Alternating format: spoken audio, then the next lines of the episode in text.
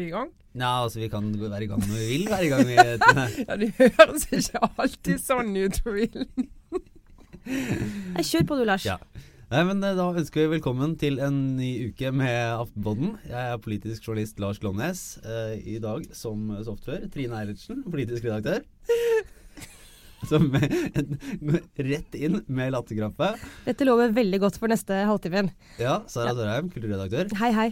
Hyggelig å ha deg her. Tusen takk. Vi, eh, vi, er jo eh, klar for å snakke litt om uka som har gått. I hvert fall du og jeg, Lars. Trine hekter seg på. Hun har fått igjen eh, pusten. Ja. Det ligger mellom, sånn, mellom, glede og sorg, Trine, når du tenker på Aksel Lund Svindals uh, alvorlige kneskade. ja, det er ingen glede, det er bare sorg. Det ja. må jeg si. Det, det, var helgens store nedtur. Og dratt seg inn i uken. Men det var en flott pressekonferanse han hadde fra sykehuset. Ja. Håper alle fikk det med seg. Uh, hvis, uh, hvis uh, Aftenposten har én helt framfor noen i norske offentligheten, så er det vel Aksel Lund Svindal. Han er så stor helt for uh, Trine og meg at jeg vurderer å, å kalle min uh, kommende sønn Aksel, faktisk. Så er det også sagt. Hvis det skjer, så er det ikke Eller jo, for å være helt ærlig, da er, er, det faktisk en oppkalling. Det er Men, på listen? Det er på listen, ja. ja. Men eh, vi skal snakke litt, litt Arbeiderpartiet, litt vaskehjelp og litt kommentarfelt. er det ikke så? Jo. Vi starter, men vi kan jo begynne aller først med at vi i, på onsdag, eh, altså det som for oss nå er i går, hadde den store store konferansen, teknologikonferansen, eh, som Aftenposten arrangerte. Eh, dere var begge delvis involvert. Trine mer enn eh, en oss andre. Så jeg syns det gikk bra. Konferansen gikk eh, bra, syns jeg. Det var bra eh, lineup, som det heter på, på nynorsk. Altså bra folk i programmet. Eh, vi fikk gode tilbakemeldinger. Eh, mange syntes det er relevant. Jeg ledet en debatt Eh, med forskjellige folk i panelet, deriblant LO-leder Gerd Kristiansen. Hvor vi skulle snakke om uh, hva betyr uh, denne teknologiskiftet, hvis du kan kalle det det. Det er jo egentlig en sånn at farten går så mye raskere i endringen. Det er jo egentlig det som er det, det store nye. Uh, for skifte, teknologiskiftet har vært der lenge, digitaliseringen har vært der lenge. vi skulle snakke om hva det betyr for norske arbeidsplasser, hva vi må gjøre for å bygge nye arbeidsplasser. Og hvordan vi skal, skal, møte det. Få i gang noen gründere og arbeidsliv og regulering av arbeidsmiljø. Litt sånt. Uh, og vi hørte jo både Jonas Gahr Støre og Monica Mæland snakke om temaet. Vi hørte Gerd Kristiansen snakke om temaet. Og jeg ble slått av hvor overfladisk alle de tre snakker om eh, noe av det viktigste i denne utviklingen. Digitaliseringen av økonomien, altså disrupsjonen i enkeltbransjer. Eh, det dramaet som skjer i en bransje når du plutselig eh, kommer inn en ekstern aktør og tar en del av verdikjeden som vi sier på økonomspråket. Uh, og, og, som er det bl.a. vi i mediebransjen har opplevd, men også flere andre bransjer opplever nå nesten uke for uke. Uh, og de snakker nesten utelukkende om uh, industri. Uh, om automatisering, riktignok. Om hjemflagging av arbeidsplasser. de er veldig optimistiske. Teknologioptimister. Eh, som jo er bra at de er, det skulle jo jammen bare mangle, mener jeg. Men, eh, men jeg, jeg, blir dypt bekymret rett og slett over at de ikke eh, synes å ha et bedre grep om, eh, om digitaliseringen. LO-lederen klarte å si fra scenen at uh, dette angår ikke meg, jeg er for gammel til det her. Jeg kan ikke sette meg inn i all den nye teknologien. Som jeg synes er en oppsiktsvekkende uttalelse fra den som leder den største arbeidstakerorganisasjonen i Norge. Altså, den organisasjonen har egentlig aldri vært uh, mer trua faktisk, enn akkurat nå. Hvis du ser på eh, medlemsmassen eh, og de neste årenes eh, utfordringer for antallet arbeidsplasser i Norge. Fordi det som en del av de andre deltakerne på konferansen var veldig tydelige på, det er jo at ja, teknologien og det som skjer nå, åpner for fantastiske muligheter. Det er noe, noen gründere der ute som kommer til å virkelig eh, finne gullåren. Men poenget er at det kommer til å forsvinne flere arbeidsplasser enn det kommer til å oppstå. Kanskje. I, I, i begynnelsen. Ja. ja. Og så vil det kanskje jevne seg ut etter en liten stund, men den første bølgen vil sannsynligvis være at hele tjenesteøkonomien f.eks. vil bli sterkt utfordret. Og folk som jobber i eh, f.eks. bank, eh, forsikring eller taxinæringen, som allerede er eh, utsatt for sterk konkurranse. Eh, matbutikker for den saks skyld. Altså helt vanlige norske arbeidstakere vil jo oppleve at de vil bli utkonkurrert av teknologi. Og det er noe Geir Kristiansen er nødt til å forholde seg til. Det skjer nå. Det skjer ikke når hun har gått av med pensjon. Eh, og en annen ting som også er ekstremt eh, bekymringsfullt, er jo hvordan da Fordi teknologien er global, eh, så har du altså noen selskaper som er i ferd med å få en monopolsituasjon globalt sett nå, som vi aldri har sett eh, maken til. Eh, vi kan nevne i fleng Facebook og Google, som eh, folk i vår bransje er veldig lei av å høre om. Men, men faktum er at de er i ferd med å innta en global monopolsituasjon og eier infrastruktur på et nivå som er helt vanvittig, og de betaler som kjent f.eks. ikke skatt til Norge. Så det er en del sånne virkelig utfordrende ting som holder på å skje nå. Og Jonas Gahr Støre var jo genuint litt sånn Han virket veldig opptatt i går av å fremstå som en teknologioptimist, og sa han ikke var redd for ny teknologi. Det er vel og bra, men han må liksom inn der det gjør vondt, da. Og disse problemstillingene går jo også rett inn i kjernen av liksom, arbeiderbevegelsen og deres uh, uh, Hva skal vi si Det systemet de har kjempet frem. Det blir nå så alvorlig utfordra. Og der var uh, rett og slett både næringsministeren og Støre og Geir Kristiansen helt oppsiktsvekkende svake, faktisk. Mm. Er det noen politikere som, som, er der ute, som man kan høre på, som, som ser ut til å ha tenkt altså, har, har, bedre tak på dette? Altså Som dere vil sånn, si at ok, det er noen det er verdt å, som, å høre på, som har som tegner opp noen interessante løsninger, eller er, er der? Eller er det liksom hele det politiske Norge bakpå? er det ingen som har forstått det dere har forstått? altså, for å innta den klassiske sånn kommentatorrollen, bare nei, alle politikere er helt uh, idioter og har ikke skjønt noen ting. Nei, det er ikke helt sant. Nei, men, altså jeg tror blant annet stortings, altså på Stortinget og i næringskomiteen, og de, de, vet det, de jobber jo med disse problemstillingene, og flere der skjønner, skjønner mer. Men det som jeg syns er er mer enn tankevekkende. Det at for det første næringsministeren blir sendt på den konferansen med en tale som er så lite å bite i for et sånt publikum, og ikke speiler at hun og departementet har en forståelse for hva dette dreier seg om. Og det andre er at Jonas Gahr Støre, lederen for største opposisjonspartiet, sannsynligvis Norges neste statsminister, eh, ikke da har knyttet til seg en rådgiver eh, som kan hjelpe han til å snakke godt om disse kjempestore utfordringene knyttet til digitalisering av økonomien, disrupsjon, det nye arbeidslivet. Altså det som kommer til å skje. Presset på arbeidsmiljø, eh, presset på ordninger, sikkerhetsnett for eh, arbeidstakere som flyter mellom fast ansettelse og ikke fast ansettelse. Uh, og jeg synes, altså hvis, hvis Arbeiderpartiet fortsatt skal være troverdig for ikke bare de arbeidstakerne som kommer fra tradisjonelt arbeidsliv, industri og næringer, men for de som kommer de neste fem, seks, syv, ett, to, tre årene. Da må Jonas Gahr Støre få en som hjelper seg med tallene når han skal på de konferansene som han var på i går. Og det var mye skarpere og tydeligere enn det der. Jeg tenkte faktisk i går sånn Nei, men kanskje det er eh, den, Mulig den neste statsministeren fra Arbeiderpartiet heter Hadia Tajik. Eh, faktisk. Eh, det, og det ble jo fulgt opp i dag med nok en dårlig meningsmåling for Støre, som eh, Dagens Næringsliv presenterte. Eh, så skal man aldri tro så mye på akkurat sånne type bevegelser så lenge før et valg. Men eh, han har jo en utfordring rundt dette med tydelighet, som jo er en kjent sak.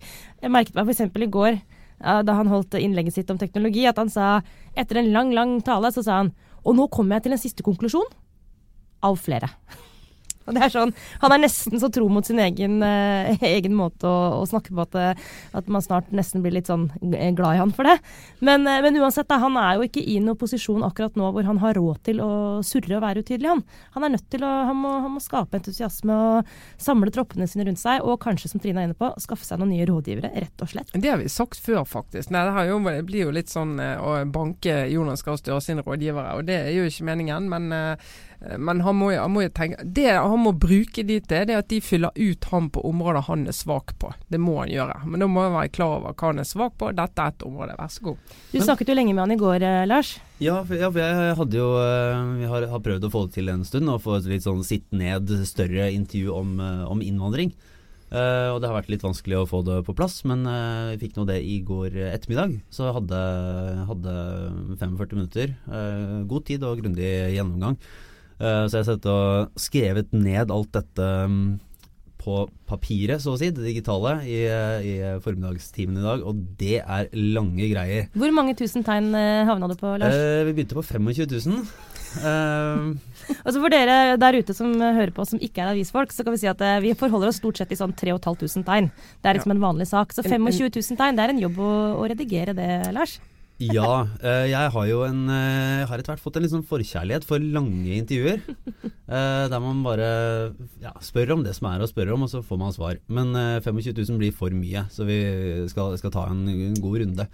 Men det er jo interessant, da, fordi det går jo hele Arbeiderpartiet står jo midt i den, den innvandringsdebatten nå, og sliter litt med at de jo i ren politikk i stor grad har sagt seg enig med regjeringa og regjeringas virkemidler. Eh, mens de retorisk går i klinsj. da. Eh, og, og Støre gjør det også nå, der han, eh, han påpeker at Sylvi Listhaug hennes retorikk og hennes måte å, å gjennomføre politikk på nå og samarbeide med Stortinget, heller splitter der det burde samle.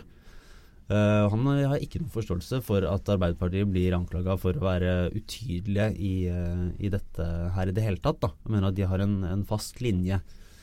Men uh, på målingen i Dagens Næringsliv så ser det ikke ut at den uh, faste linja nødvendigvis har, har brakt dem så mye glede, da.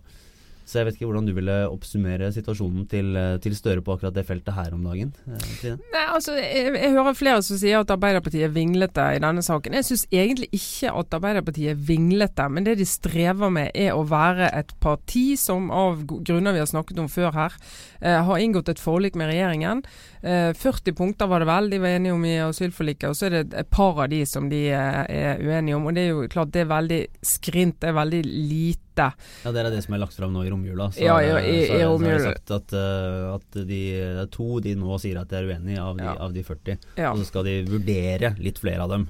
Ja, og så eh, å kikke på det. Og det er klart at sånn for de i Arbeiderpartiet, og de som eh, forholder seg til Arbeiderpartiet som et opposisjonsparti, og som har eh, eh, hva skal jeg si, mer liberal holdning til innvandring enn Arbeiderpartiet faktisk har og har hatt i mange år, så fremstår jo, eh, fremstår jo Arbeiderpartiet som litt sånn skinnuenig med, med regjeringen. Eh, så er det absolutt substans i det de er uenige om. Men for de som virkelig mener at Arbeiderpartiet burde være i opposisjon og mer der som SV er, så holder ikke dette i det hele tatt. For de som er enig med regjeringens politikk, Uh, og er i, i det området på innvandringsfeltet, så vil de mene at, eh, at Arbeiderpartiet er er litt sånn uh, uærlige, som liksom er, er enig egentlig i politikken, men så skal de hele tiden krangle på småting uh, for å prøve å fange andre typer velgere.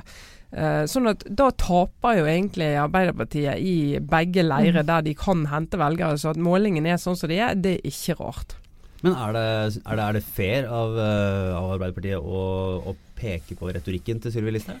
Nei, men De har jo rett også i at hun har en oppsiktsvekkende retorikk. Eh, men poenget er at det er tross alt politikken som, eh, som avgjør, eh, også, i, også selv om eh, hun sikkert Kanskje, nå gjetter jeg bare, men det er mulig at hun skaffer seg like mange velgere som hun også avskrekker med å være såpass, eller ha den stilen hun har. da. Så Sylvi Listhaug er jo en veldig unorsk politiker. Hun har en veldig sånn amerikansk måte å, å opptre på. Veldig hard, veldig konfronterende, men også sikkert for mange sjarmerende, vil jeg tro. Eller hun har i hvert fall en viss appell. Eh, Jeg kan nesten ikke tenke meg to politikere som er mer forskjellige fra hverandre enn Sylvi Listhaug og Jonas Gahr Støre. Eh, Men jeg, jo, jeg skjønner jo at han er fristet til å slå ned på, på retorikken hennes. Men blir som Trine er inne på, det, det blir bare skyggeboksing hvis han egentlig ikke kan arrestere henne på noe konkret. Og da blir han, stående mener igjen jo- som Han mener jo da at, eh, at retorikken er Altså ordene som sies er en konkret handling. Altså at Ja, altså det, det å gå ut og, og være så tøff, det som han sier i dette intervjuet, det, det bygger opp under en eh, liksom, konfronterende linje som kan gå gjennom samfunnet. Og det, det demper oppfatningen av at, eh, av at politikere faktisk kan redde situasjonen. Da, når hun snakker om at hun frykter for sine barns fremtid og, Ja. og, og stadig velger de negative tingene. Uh, så han forsvarer jo det som en sånn Ja, retorikken er en faktisk Alle vi som, hendelse. ja, som gikk på universitetet på 2000-tallet og lærte oss om eh, postmodernisme og poststrukturalisme osv., lærte jo at språk er makt, eh, og hvem eier språket. Og gud bedre meg så mye tid vi brukte på helt fullstendig latterlige og abstrakte problemstillinger. Eh, Og jeg tror det er litt eh, overvurdert, eh, men hun skaper splid åpenbart med sin, sin retorikk innimellom.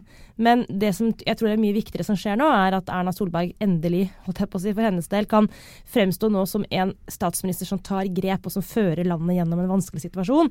Gjennom å ta liksom, tøffe, men viktige og, og riktige valg. Da. Eh, Hun er inne på det selv litt sånn i dag. Det, er, det har vært en utfordring for denne regjeringen hele veien. Å fremstå som statsbærende. Sant? De har fremstått som alt mulig annet. Eh, og det tror jeg er det, det, er det som skjer nå, er at hun plutselig virker som en, en sterk leder. Og eh, det skjer samtidig med at Støre virker uklar. Tror det, det, tror jeg er mye viktigere enn akkurat uh, retorikken ja, altså, til Listhaug. Jeg tror, jeg tror, litt av utfordringen til Støre er at når han kritiserer retorikken, så, så kan det, det, det skapes et inntrykk av, og det ser ut som om det er det eneste han har å ta de på. Og for en del så blir det hult. Når det er sagt, så syns jeg faktisk det er viktig at uh, politikere snakker om måten uh, alle politikerne omtaler innvandring på, omtaler uh, asylsøkere på. Det er veldig forskjell hvis du er ansvarlig politiker og snakker om at flommer inn innvandrere i Norge, og, og liksom minne om at uh, vanligvis kommer det 10 000 asylsøkere, nå er det kommet 30 000 sånn cirka. Så det er ikke det, er ikke det at, at, landet er oversvømt av asylsøkere. Uh, vi er fremdeles et sted hvor dette må være håndterbart, og hvor du på en måte snakker nøkternt om det. og at du snakker om, om like mye de som har krav på beskyttelse, som vi vet skal være her, som vi må legge til rette for kan bli integrert. Så må hele tiden legge vekt på de eh, grunnløse asylsøkerne, eh, som nok eh, Sylvi Listhaug snakker mer om. For å snakke om alle de Hun understreker hver eneste gang hun er på luften, så er det å understreke at vi må få ut de som ikke skal være her, vi må få ut de som ikke skal være her. Eh, mens en annen politiker ville snakket veldig mye om de som faktisk skal være her. Mm. Eh, sånn at jeg syns det er viktig at uh, Støre påpeker den uh, retorikken. Eh, og vi vet at når vi snakker veldig mye om asylsøkere på den måten der, så skjer det noe blant folk. Og du får en mer uh, snakket nettopp med noen som driver og følger med på den slags. Eh, som eh, sier at du ser det i kommentarfelt, du ser det i, i, i debatten og du ser det i tonen. At dette, dette, er jo ikke bare politikerne det handler om, det handler jo om en befolkning som diskuterer innvandring og asylsaken i mye hardere ordelag enn de gjorde for et halvt år siden. Og den, eh, den flyttingen måte av, eh, av, mainstream, som jo er mye sterkere i Sverige, hvor den overgangen siste halvåret har vært helt eh, veld, altså veldig påfallende, så tror jeg nok sikkert at uh, også i Norge så har vi sett uh, at å si, normalen har flytta seg litt altså til høyre, da. Hvis vi tenker at det å være innvandringskritisk den posisjonen ligger til høyre, så har nok liksom det, hva som blir anerkjent og hva som blir ansett for å være liksom en helt OK ting å si, det er, nok, det er nok noen grenser som er flyttet på der. Eh, det var en rapport som ble lagt frem denne uken om eh, nordmenns eh, forhold til ytringsfrihet. Oppfatninger rundt eh, viktigheten av ytringsfrihet. Eh, det er en sånn forskningsrapport som kommer med jevne mellomrom, som er støttet av, av, Fritt Ord. Men der ser man noen sånne små forflytninger hele tiden, som man kan lese sånn type er glasset halvfullt eller halvtomt. Man ser at folk er mer opptatt av ytringsfrihet enn eh, noen gang før. Det er blitt en viktigere verdi for flertallet i den undersøkelsen enn det var for noen år siden. Det kan man tenke at er veldig veldig bra, eh, fordi det er en verdi vi er opptatt av å, å, verne om. Men det kan også leses som at man kobler ytringsfrihet og eh, innvandring og islam veldig tett sammen. Og at den forflytningen også er et tegn på at man kanskje er blitt mer Eh, skeptisk til eh, innvandrere med muslimsk bakgrunn, f.eks. Dette skrev Ingunn Nøkland om i Aftenposten denne uka. Ehm, jeg tror liksom ettertiden vil, eh, vil vise liksom hva, hvilke krefter som er i spill. Men jeg er enig med Trine i at det er, en, det er en viktig faktisk oppgave for de av oss som er en del av offentligheten, å tenke gjennom hvordan vi snakker, og, og hva vi faktisk setter av merkelapper på eh, våre medmennesker. Da. Der har nok Listhaug litt å gå på. Vi, kan, eh, vi, vi tar det til uh, Vi tar det hjem, er det det man sier? Man, er, det er en mye brukt overgang i ja. ja. Hjem og nå hjem igjen. En, en, en smidig overgang. Nå skal vi snakke om det som virkelig gjør vondt, skal vi ikke det? Jo, jo, de moralske kvaler i, ja. uh, i borgerlige Nei, hva skal jeg si best? Hva, hva er det? Småborgerlige. Småborgerlige hjem. Ja, det, det, er nå du strever allerede, Lars. Ja, ja, jeg har ja. ikke begrepsapparatet til å, til å egentlig ta dette helt innom meg. Men Klassekampen hadde jo da en sak her i uka som gikk om hvordan tenketopp eh, Tenketanktoppene. Tenketanktoppene var det. Uh, har vaskehjelp. Ja. Uh, og, og, gikk gjennom dette. Det var jo påtagelig at det var tre kvinnelige tenketanktopper uh, som uh, var, uh, var, del av denne saken. Da, I, i vel Marte Gerhardsen, Katrine Sandnes og Kristin Clemet. Ja, altså, hva, var det, hva var det de tenker for mens andre vasker, var det noe sånt? Ja, Eller noen vasker for at de skal få tenke? Ja. Altså, Så drøy kobling, altså. Den artikkelen ble jo ekstremt mye diskutert uh, i helgen, både på sosiale medier og i de kretser som jeg befinner meg i. Det var tema i, for en middag jeg var på lørdag kveld. Uh, og det her går rett inn. Altså det, det, treffer så mange nervetråder, særlig hos en del damer. Eh, og det er så moralsk belasta, hele denne problemstillingen, at du antennes så fort som det er liksom Ja. Det er virkelig, det er virkelig egnet for å, å både såre og bli fornærmet og krangle og i det hele tatt. Men det startet jo da med at Klassekampen ønsket da å sette fokus på, som det heter i, i denne bransjen, uh, det faktum at veldig mange flere kjøper seg tjenester uh, nå, generelt, og helt spesielt, eller konkret dette caset, da, kjøper seg hjelp til å vaske hjemme. Um, og så så jeg når, når journalisten i Klassekampen og også Bjørgulf Brånen, redaktøren, skulle forsvare saken som fikk mye kritikk, at ja, men dette handlet jo om et interessant fenomen. Og det gjorde jo på en måte det, men, men bare for å starte med selve artikkelen, så var jo den da eh, ikke akkurat helt nøytral i sin fremstilling. Eh, for eksempel så skrev de ikke sånn bare 'dette er tre damer som eh, kjøper seg vaskehjelp'. Det sto eh, 'som eh, kjøper vaskehjelp fordi de ikke gidder vaske selv'. Og da, jeg mener Når du bruker 'ikke gidder' i liksom det som skal være en nøytral brødtekst, så er jo saken relativt lada. Det var ikke noe tvil om hva, hva de som hadde skrevet den, mente om at disse tre damene da i hvert fall de to av dem som tilhører venstresida. Det er altså, særlig de som får tyn. Altså, si, alle vi andre, vi, de tar jo for gitt at vi har vaskehjelp. Ja. Men fordi Trine, du gidder ikke å vaske selv. uh, Nei, altså, noen vasker mens du tenker og skriver. Ja, for å si det sånn. Han jeg bor med, gidder ikke å vaske. Nei da, han hadde nok giddet. Nei, altså, jeg har, jeg har jo vaskehjelp, jeg eh, på å si with pride. Uh, og er nok uh, er en av de som tenker uh, som så. Jeg har en jobb som er ganske mye å gjøre på. Det er mer enn 100 arbeidstid, for å si det sånn. han jeg bor med har en jobb som også er uforutsigbar, og vi holder på. små barn, vi henger i stroppen. Det gjør vi virkelig. Jeg, jeg tjener godt fordi jeg har en sånn jobb. En god del av de pengene jeg tjener mer enn mange andre, det, de bruker jeg til å kjøpe meg hjelp. Jeg kjøper hjelp til å vaske huset mitt en gang i uken. Jeg kjøper hjelp til å passe barna mine en ettermiddag i uken. Eh, det skjer hvitt. Det er skatteetaten. Det er det hele. Det er orden og, orden, ordning og reder på det. Um, og, det, og, det, og, de, og de får ta det da, de som vasker uh, hjemme hos oss, det er to, uh, to de, Det varierer litt, for det er et firma. Så det er to stykker som kommer inn og vasker i en og en halv time, altså tre timer i uken. Uh, de kommer inn, og så gjør de rent i et lynende tempo. Uh, med fantastisk kvalitet. Og, og, hjemme hos oss er så glad hver onsdag jeg kommer hjem og merker at huset mitt er rent. Så jeg er bare, jeg er bare så lykkelig for at noen kan gjøre en ordentlig men, jobb med det. Men, men, og hva skal jeg føle nå, Sara, egentlig? Nei, jeg bare lurer. Jeg baler veldig med dette. som så ofte ellers så er Trine veldig klar, mens jeg er litt sånn Åh, jeg syns ikke dette er så lett. Så bare, Trine, tenker du aldri, får du aldri sånn ekkel følelse av at liksom de som kommer hjem til har funnet liksom en skitten truse som du har glemt på gulvet, som de putter i vaske... Altså, blir ikke, ja, nei, de må rydde opp, liksom. Nei, vi må rydde, vi må rydde. Vi må rydde. De, de skal ikke gå og rydde opp og si, i, i, i uh, skittentøyet vårt. Det, det, skal de noen, noen, gjør det, og de betaler for det, og det syns jeg er helt greit. Hjemme hos oss så rydder vi før de kommer ordentlig. Eh, som egentlig har med sånn tidsbruk og hva du betaler for. Jeg vil, jeg vil betale for at de vasker, for det er det jeg Jeg rydder gjerne, jeg. Men vasking, det det, når, jeg, når, jeg, endelig har fritid og har en lørdag formiddag, så jeg vil ikke vaske.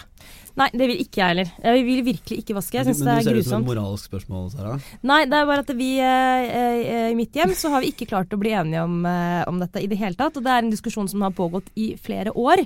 Uh, og det er jo så møkkete og stygt hjemme hos oss at jeg er nesten litt sånn skamfull. Jeg er sikker på at barnet får en livsstilssykdom. Eh, men eh, vi klarer ikke å komme ut av det, og det er fordi at vi, vi blir ikke enige, jeg og, og, mannen min. Men det handler egentlig om at vi sitter fast i en sånn moralsk hengemyr. Det går ikke men, så Er det synet på vasking? Nei. At det er sånn tjenerskapsfølelse, eller? Det komiske er at det er ingen av oss som mener at det er noe feil med å kjøpe seg tjenester, og absolutt ikke kjøpe seg vaskehjelp. Eh, det som er utfordringen, er nemlig den følelsen av at det kommer noen fremmede inn i huset og liksom tørker vår, vår møkk. Altså det moralske imperativet. Du er for fin til å gjøre det sjøl, liksom? Nei, omvendt. Eh, vi er for fine til at noen andre skal få se hvor stygt det egentlig er hjemme hos oss. Oh, ja, sånn, Skjønner dere? Men det, det er bare virkelig, første gangen jeg ja, men Det er småborgerlighet på en på, sånn, det, er sånn, det er sånn type du skal, du, du skal det er blanding av småborgerlighet og protestantisme. sant? Du skal vaske opp etter deg sjøl. Ja, men skal du skifte vinterdekkene dine sjøl? Ja, ja. Du, du, du skal gjøre alt det sjøl? Ja.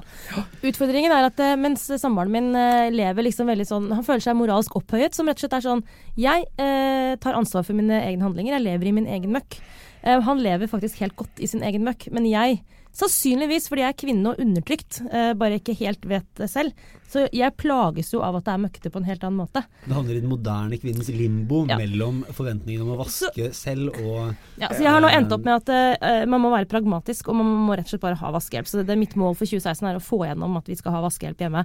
Men eh, faktisk så er det sånn at min eh, mørke bakgrunn, holdt jeg på å si, som eh, eh, aktiv i ungdomspolitikken på venstresiden, og jeg har jobbet i Klassekampen, og jeg vet utmerket godt at for veldig mange kvinner på venstresiden så er det altså moralsk helt umulig å skaffe seg vaskehjelp. Og når du ser hva som skjer når f.eks. Katrine Sandnes forteller at hun har, har gjort det, den typen kjeft de får Fy fader, altså, da må jeg si som, eh, som eh, Hva heter hun, eh, gamle utenriksministeren i USA som så berømt sa at det er et eget sted i helvete, ja. for kvinner som oppfører seg sånn mot hverandre. Og, og, men det som er interessant da, her, det er, det er jo nettopp det. fordi at Aslak Sira Myhra, som da er gift med Katrine Sandnes, han eh, gikk vel ut så vidt jeg fikk med meg og sa det. I all verden, dette her er jo mitt prosjekt. Fordi at jeg har begynt å reise mer i jobben som nasjonalbibliotekar. Og han visste hva timesats det var, det hadde ikke Katrine helt kontroll på. altså Åpenbart han som dealer med dette. Eh, og det er jo det, det er så illustrerende. At det er når en familie har det, så er det kvinnen som på en måte får spørsmålet. Med andre ord, hvorfor gjør ikke du dette sjøl? Burde ikke du gjort det sjøl? Jeg, jeg, jeg kjenner jeg blir så matt. og Jeg, jeg så eh, Bjørgulf Brånen prøvde å forsvare det. Jeg leste lederen i Klassekampen tenkte jeg, vet du hva, jeg kan ikke gå inn i det engang. Jeg blir så provosert. Jeg har Ja. Altså, det mener jeg også er sånn rabler for meg at vi har sånne diskusjoner. Og det mener jeg er noe av det som gjør meg aller mest opprørt eh, av det som foregår på venstresiden i politikken. Det er den derre forbanna moralismen som Åh. man tillater seg å ha. Og den derre liksom, den derre dirrende pekefingeren man bare finner for godt å, å, å bruke mot uh, sine medmennesker, uten egentlig noe annet argument enn et dypt konservativt, dypt borgerlig og Ravende gammeldags reaksjonært. ja, som går på at, at kvinner heller skal vaske selv enn å få noen andre til å gjøre det for seg. Og jeg, jeg tror ikke i ett sekund at det var tilfeldig at de valgte tre eh, damer som case i den saken. Jeg er helt sikker på at det var eh, altså om det var bevisst eller ikke, det veit jeg ikke. Men at det er ekstra pirrende å bruke kvinner som eh, utgangspunkt der. For det, er det vekker sinne hos veldig mange mennesker, og det er dypt provoserende. Dette har ingenting med kjønn å gjøre. Men, men, det, men det er jo to ting. Dette er det mest provoserende med venstresiden sett med mine øyne. Det er denne troen på blant en god del av de at du kan mene om hvordan andre mener livet sitt, lever, livet sitt på sånn detaljnivå at du tenker vet du hva, før du mener det, skal du få bo hjemme hos meg i en uke og se hvordan vi lever. Så kanskje vi skal snakke om det. Ikke sitt der med god tid og tastatur og prøv å fortelle meg eller andre hvordan vi bør leve. Finner vi rett og slett ikke i det.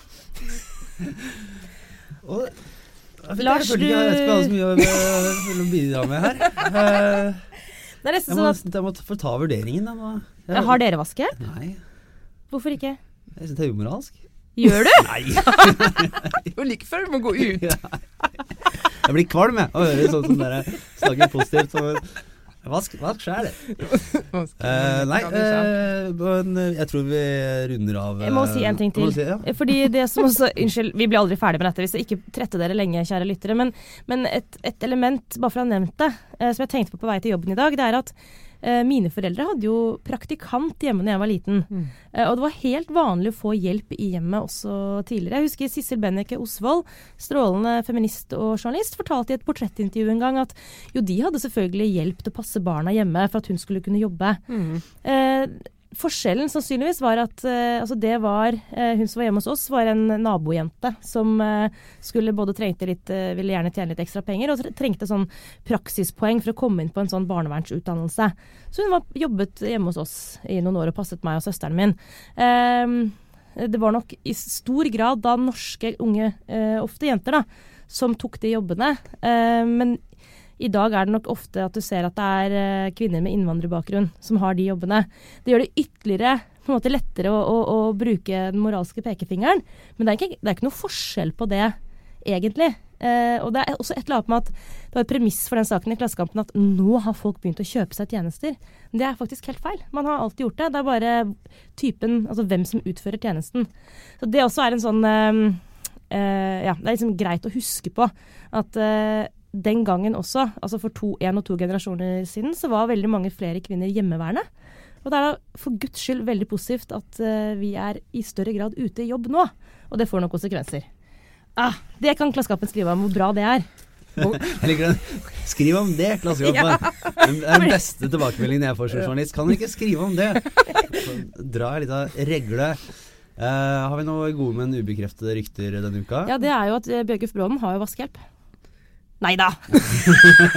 Nå kjente jeg ble litt sånn rar i ansiktet. Ja. Nei, det vet jeg ingenting om. Nei, jeg kan eh, opplyse hvis noen vil, eh, vil høre på akkurat samme musikk som Jonas Gahr Støre, så kan, eh, kan jeg ha fått opplyst at uh, nye favorittbandet hans er den norske lille popgruppa Nummer Fire. Som jeg ikke har hørt om engang. Ikke jeg heller. Jeg vet ikke hva Edge, det. Ja, på det i hvert fall. Ja. Ja, flott. Eh, men da takker vi vel for oss for denne gang. Eh, Sara Sørheim, Trine Eilertsen, jeg var Lars Klomnes. Ha det bra.